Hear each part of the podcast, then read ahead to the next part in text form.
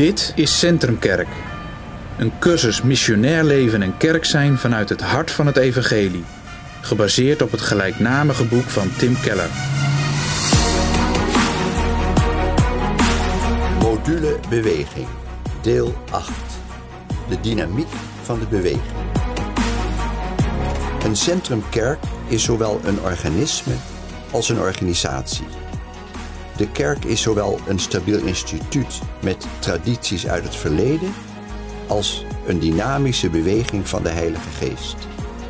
In onze evangeliebediening zoeken we daarom naar evenwicht. We wortelen in onze kerkelijke traditie en werken tegelijk samen met het lichaam van Christus om onze stad met het evangelie te bereiken. 29. Kerkplanting als dynamiek van een beweging. Een kerk die een georganiseerd organisme is, zal van nature betrokken raken bij kerkplanting. Kerkplanting is in handelingen niet traumatisch of onnatuurlijk, maar verweven met de evangelieverkondiging en het komt zeer regelmatig voor. Als Bijbeluitleggers vanuit handelingen een lijst samenstellen van basiselementen van kerk zijn, staan op die lijst Bijbeluitleg, evangelisatie, gemeenschap, discipelschap en lofprijzing. Daarmee wordt een heel belangrijke eigenschap van een gezonde kerk over het hoofd gezien, namelijk kerkplanting.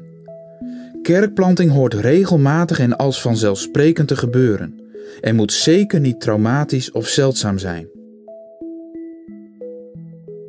In Paulus' werk zie je steeds drie fases. Het begint met evangelieverkondiging. De tweede fase is focus op de gemeenschap.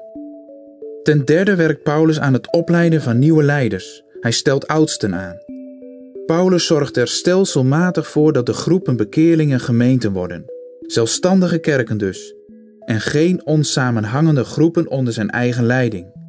Simpel gezegd, in handelingen is het stichten van gemeenten even natuurlijk als het bekeren van mensen.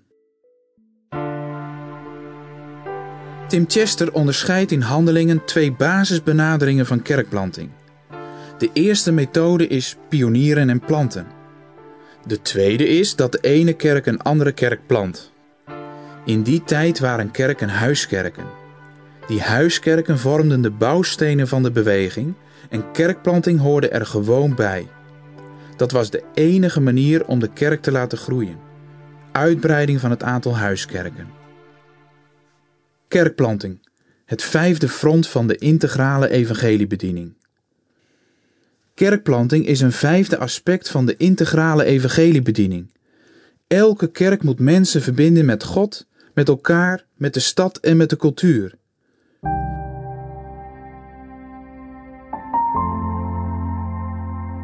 Het vijfde front van de evangeliebediening is de vermenigvuldiging van de kerk, zodat er nieuwe kerken ontstaan die op hun beurt weer aan alle aspecten werken. Kerkplanting moet daarom een even vanzelfsprekend aspect van het kerkenwerk zijn als kerkdiensten, evangelisatie, gemeenschap, onderwijs en dienstbaarheid. Omdat onze tijd zoveel op die uithandelingen lijkt, zullen we van kerkplanting een centrale strategie moeten maken om onze wereld te bereiken. Het planten van nieuwe kerken is de beste manier om voor meer gelovigen in een stad te zorgen en een van de beste manieren om het hele lichaam van Christus te vernieuwen.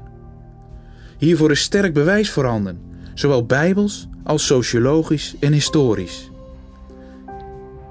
Er is niets anders dat eenzelfde consequente impact heeft als veelvuldig kerkplanten. Dat wil niet zeggen dat al die andere dingen die we doen onbelangrijk zouden zijn. Kerkvernieuwing, theologische scholing, rechtvaardigheid en barmhartigheid, culturele betrokkenheid en vele andere vormen van evangeliebediening en missie, het doet er allemaal toe. We laten daarom in de volgende aflevering graag nog zien hoe al die dingen bij elkaar komen en hoe de onderdelen van het lichaam van Christus in een stad de dynamiek van een beweging kunnen krijgen.